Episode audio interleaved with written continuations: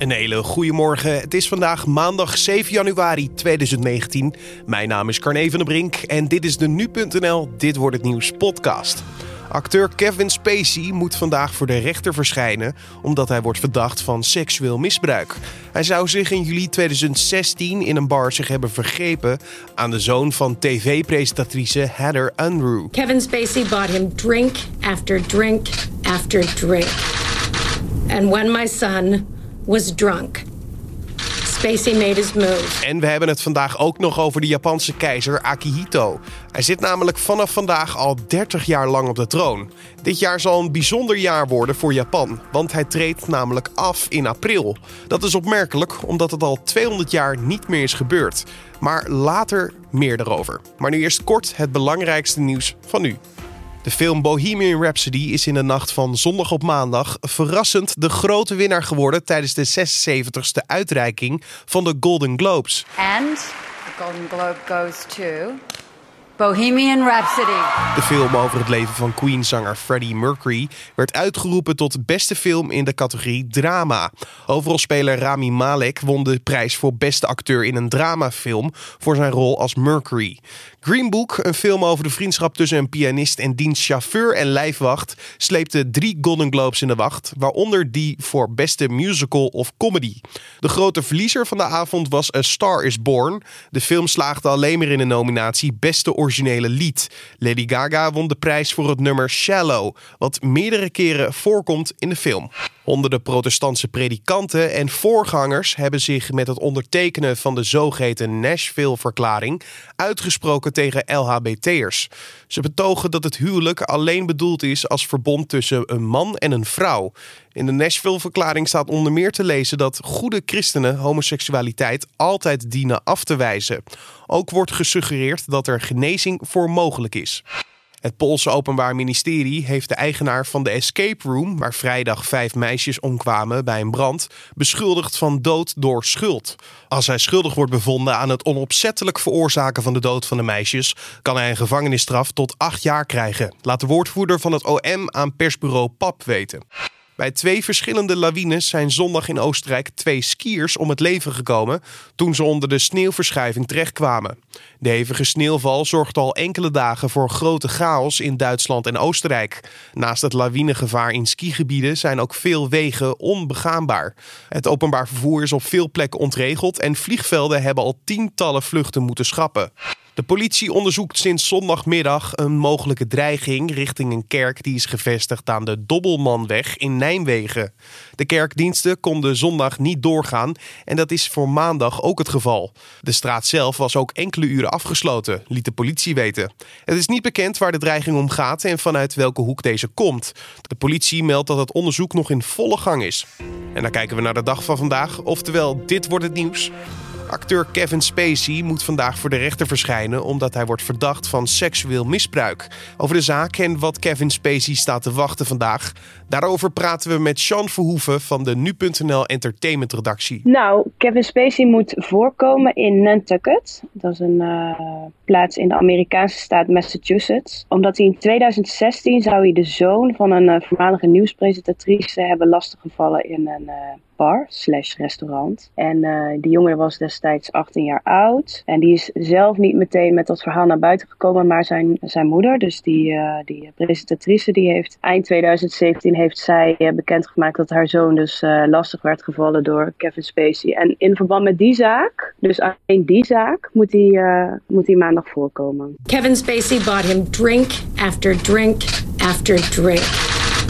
And when my son was drunk, Spacey made his move. Ja, want dat is er goed bij te zeggen. Uh, Kevin Spacey is ook voor meerdere dingen uh, beschuldigd. Alleen dit is echt ja. een rechtszaak over één bepaald onderwerp. Ja, alleen over die destijds 18-jarige jongen dus.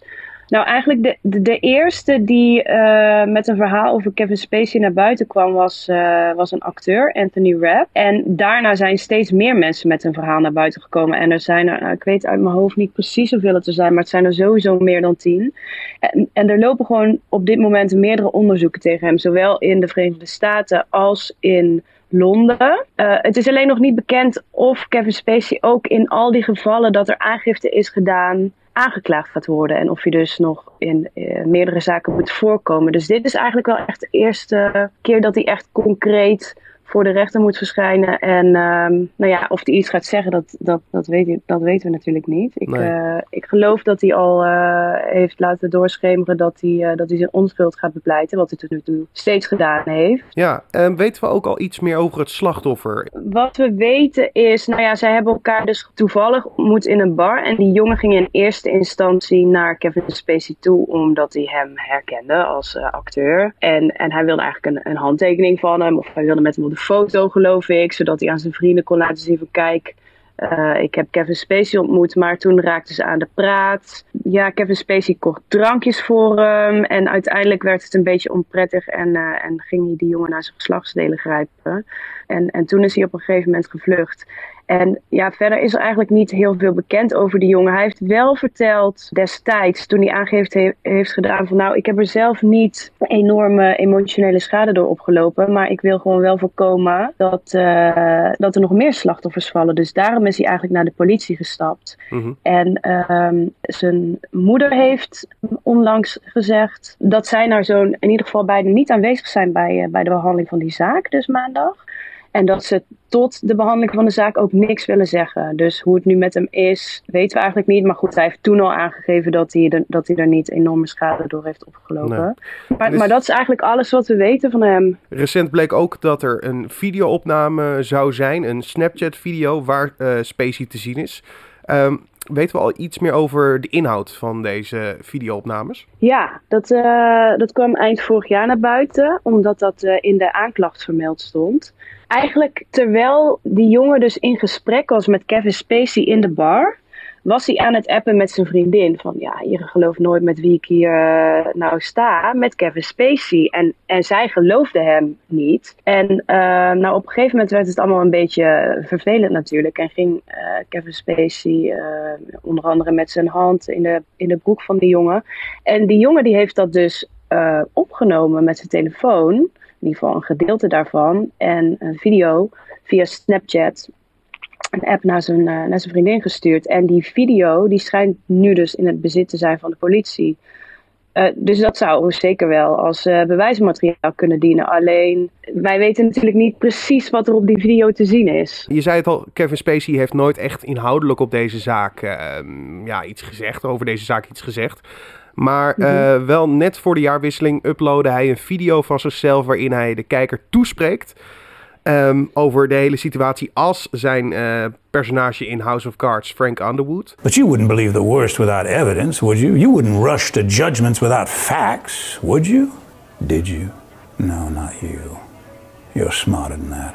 Anyway, all this presumption made for such an unsatisfying ending. And to think it could have been such a memorable send off. I mean, if you and I have learned nothing else these past years, it's that in life and art, nothing should be off the table. We weren't afraid, not of what we said and not of what we did, and we're still not afraid. If I didn't pay the price for the things we both know I did do, I'm certainly not going to pay the price for the things I didn't do. Ja, dat was een rare video inderdaad. En uh, net als uh, Frank Underwood spreekt hij dus inderdaad uh, direct zijn publiek aan.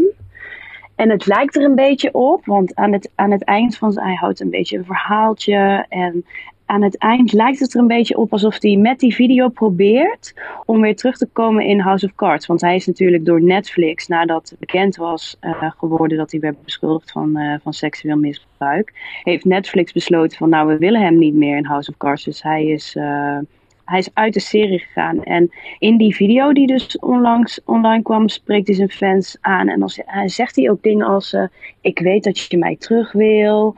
En uh, natuurlijk geloofde iedereen dat ik uh, alles zou bekennen. alle dingen waarvan mensen zeiden dat het waar was. Maar zo simpel is het niet. Niet in het echte leven en ook niet in de politiek.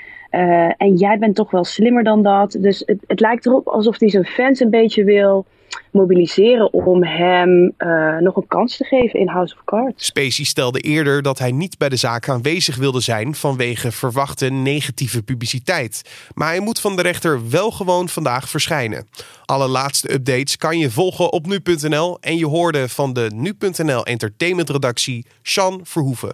Het is een feestelijke dag vandaag in Japan. Wel een feestelijke dag met een rauw randje. Want de Japanse keizer Akihito zit sinds vandaag al 30 jaar lang op de troon. Het rouwrandje komt omdat hij dit jaar zal aftreden. De keizer zei vorig jaar dat zijn leeftijd en gezondheid hem het moeilijk maakt zijn plichten te vervullen. Akihito heeft een hartoperatie ondergaan en is behandeld voor prostaatkanker. In juni stemde het parlement in met een wetsvoorstel dat het mogelijk maakt voor de 83-jarige keizer om een troonafstand te doen. Dat is opmerkelijk omdat dit al 200 jaar niet gebeurd is in Japan. Alleen wat heeft de keizer betekend voor Japan in die afgelopen 30 jaar? Dat vroeg ik aan Japan-kenner Radboud Molijn. Ja, ik denk dat keizer Akihito als eerste uh, in staat is geweest om het keizerdom, laten we zo zeggen, de keizerlijke functies, om die uh, veel meer gewoon te laten zijn, in plaats van dat het een zekere mythische, uh, zekere mystiek had. Zoals dat uiteraard met zijn vader gebeurde. Um, het is met name, dat is volgens mij zijn grote rol geweest. Hij heeft het keizerschap, hoewel het nog steeds zeg maar, de top zeg maar, van de hiërarchie in Japan natuurlijk is, heeft hij veel meer toegankelijk gemaakt. Um, en dat merk je ook op de manier waarop hij reageert als er grote rampen zijn. He, bijvoorbeeld die grote aardbeving in uh, Fukushima in 2011. Nou, toen heeft hij een paar dagen later een toespraak gehouden voor de televisie... wat werkelijk ongehoord was op dat moment. Die nou buitengewoon indrukwekkend was. Uh, hij heeft ook een aantal keren heeft hij zijn excuus aangeboden... Uh, dat moest je wel weliswaar tussen de regels doorlezen. Mm -hmm. uh, maar over wat er allemaal gebeurd is uh, in de Tweede Wereldoorlog. Dus wat dat betreft, het is een man die um, op, een, op een wijze, als je daar goed naar kijkt... volgens mij een hoop heeft betekend voor Japan. Maar het is natuurlijk wel bijzonder. Het is uh, ja, nu een, een, symbolische rol. De keizer van Japan uh, heeft niet echt macht binnen, uh, binnen de politiek bijvoorbeeld. je moet het een beetje vergelijken zoals Nederland, denk ik. Wat ja. is dan wel de rol van de keizer in Japan? Echt de verbindende rol? Ja, ik denk dat je dat het beste kan om, omschrijven als inderdaad een verbindende rol waarbij hij natuurlijk aan de top van de piramide staat. Hè. Japan is een zeer hiërarchische samenleving. Um, maar het is een keizer zonder macht, laten we wel wezen. Ik denk dat de enige macht die hij heeft is uh, soms uh, staatslieden uh, ontvangen. En als er een ambassadeur komt, dan wordt hij volgens mij voorgesteld aan de keizer. Maar hij heeft totaal geen enkele invloed op kabinetsbeleid of wat dan ook. En zelfs niet op de wetgeving die er gemaakt is voor hem om uh, tussentijds te mogen aftreden. In 2016 zei de keizer inderdaad dat zijn gezondheid het moeilijk maakte om zijn plichten te vervullen. Dus in 2017 gingen ze stemmen, het Japanse parlement, om een wetsvoorstel erin te krijgen om hem een troonafstand te laten doen. Ja. Uh, dat is gelukt, dat mag, dat gaat dit jaar gebeuren. Hoe opmerkelijk is dat voor een land zoals Japan? Nou, dat is het inderdaad, uh, dat is zeer opmerkelijk. kijk, volgens de grondwet kan de keizer um, alleen afstand doen van de troon als hij dood is. Zo simpel is het. En er is nu wetgeving speciaal voor hem gemaakt. Je moet je, dus voorstellen, het is dus geen wetgeving die uh, ook bij volgende keizers kan worden toegepast. Het is een eenmalige wetgeving waarin wordt gezegd dat deze keizer um, mag aftreden. Um, maar het is, het is een opmerkelijk iets, absoluut. Ja, en hoe reageerde het Japanse volk onder deze verandering die op 30 april gaat plaatsvinden? Nou, dat was eigenlijk uh, met een buitengewone hoeveelheid sympathie. Um, het was ook een hele bijzondere toespraak. Ik heb die toespraak ook een paar keer gezien op de televisie. Dat we zeggen, ook nog in de herhaling natuurlijk. Het was een hele um, menselijke toespraak waarin hij ook zei... ja, kijk, mijn gezondheid laat gewoon niet meer toe dat ik mij tot het uiterste kan inzetten. Intussen overigens heeft zijn zoon natuurlijk al een hoop van die taken al, al sinds jaar en dag overgenomen.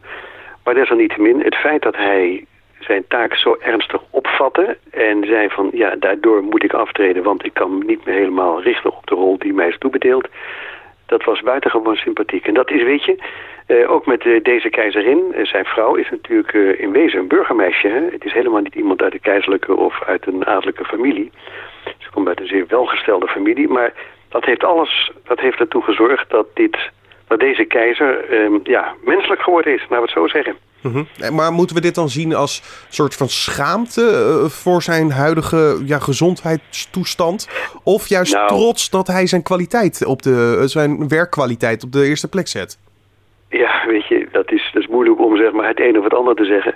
Uh, ik denk dat hij zelf, maar dat is nu toch een beetje Japans, dat je het gevoel hebt dat je altijd tekort komt in datgene wat je wil doen. Um, er zal een zekere schaamte of een zekere verontschuldiging zal er zeker in hebben meegespeeld. Ehm, maar ehm, ik denk dat men over het algemeen in Japan dit eh, met, met zeer veel sympathie heeft bekeken. En dat, dat er ook geen enkel verwijt is naar die keizer. Ja, die hebben altijd wel een aantal maloten in een land die zeg maar zeggen van dat moet niet gebeuren enzovoorts. Maar goed, uh, grosso modo is het Japanse volk volgens mij hiervan zeer onder de indruk en accepteert het ook uh, echt zoals het is. En zijn zoon, de kroonprins, is hij al klaar voor de functie? Ja, zeker weten. Kijk, om te beginnen, hij is opgeleid in het, in het buitenland. Ik geloof dat hij, wat was het, Cambridge of Oxford heeft gedaan, spreekt goed Engels. Uh, heeft al uh, flink wat jaren heeft hij ook um, zijn vader geassisteerd en taken van zijn vader overgenomen. Zijn vrouw is natuurlijk ook al iemand die zeg maar uit de internationale diplomatie komt.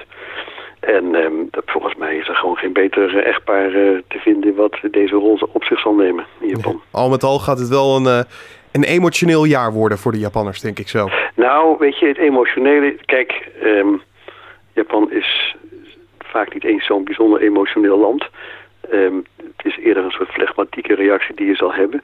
Waar men het meest uh, in geïnteresseerd is, is wat nou uh, de naam van, het, van de nieuwe periode gaat worden. Kijk, de Japanse jaartelling is niet zoals bij ons, dat het gewoon in, in zoveel jaar na Christus is of zo, maar het, gaat, het telt op per jaar nadat de, dat de keizer is geïnstalleerd, is gekroond. En de vorige keizer, die zijn rijk heette Heisei, overal vrede. Uh, en je moet voorstellen dat het wat voor bijvoorbeeld de, de drukindustrie... die allemaal uh, kalenders moeten gaan drukken en agenda's en weet ja. ik het allemaal meer... daar komt dus die nieuwe naam op te staan van um, de regeerperiode... die de keizer en zijn keizerlijke hofhouding uh, gaat geven. En het kabinet eraan gaat geven. Um, en men is zeer benieuwd wat nou die nieuwe naam gaat worden. En er is volgens mij nog geen sterveling die dat weet. De keizer zal dus op 30 april aftreden en tot die tijd zal de opvolger van de keizer klaargestoomd worden. Je hoorde Japan-kenner Radboud Molijn. Een Amerikaanse delegatie reist vandaag af naar China om daar te spreken over de mogelijke handelsbetrekkingen tussen beide landen. Op de G20-top spraken de presidenten van beide landen al af om voorlopig geen wederzijdse handelsbeperkingen op te leggen, in de hoop nog tot een akkoord te komen over de betrekkingen. Tijdens het overleg in China zou onder andere specifiek worden gesproken over de sectoren landbouw en industrie, maar ook over importheffingen in het algemeen. En dan nog even het weer. Het is vandaag opnieuw bewolkt, net zoals gisteren, met van tijd tot tijd kans op een bui. In de loop van de dag neemt de wind verder toe en het wordt 7 tot 9 graden. En dan nog blij babynieuws. Voormalig Formule 1-coureur Jos Verstappen heeft zondagavond bekendgemaakt dat hij met zijn vriendin Sandy Seidsma een zoon zal krijgen. Het wordt het vierde kind voor de 46-jarige vader van huidig Formule 1-coureur Max Verstappen. Eerder kreeg hij met twee andere vrouwen, Max, Victoria en Blue Jay. Wanneer de baby geboren zal worden, maakt Verstappen nog niet bekend. Op Instagram laat hij weten zeer verheugd te zijn. En dit was dan de Dit wordt het nieuws podcast voor deze maandag 7 januari. Je vindt de podcast natuurlijk elke maandag tot en met vrijdag om 6 uur ochtends op de voorpagina van nu.nl en in je favoriete podcast app. En vergeet dan niet gelijk ook gratis te abonneren. Zo staat hij namelijk elke ochtend in je podcast app klaar. Wat vond je van deze podcast? Laat het ons weten via een mailtje naar podcast.nu.nl of een recensie in iTunes. Mijn naam is Carne van der Brink. Voor nu een hele fijne maandag en tot morgen.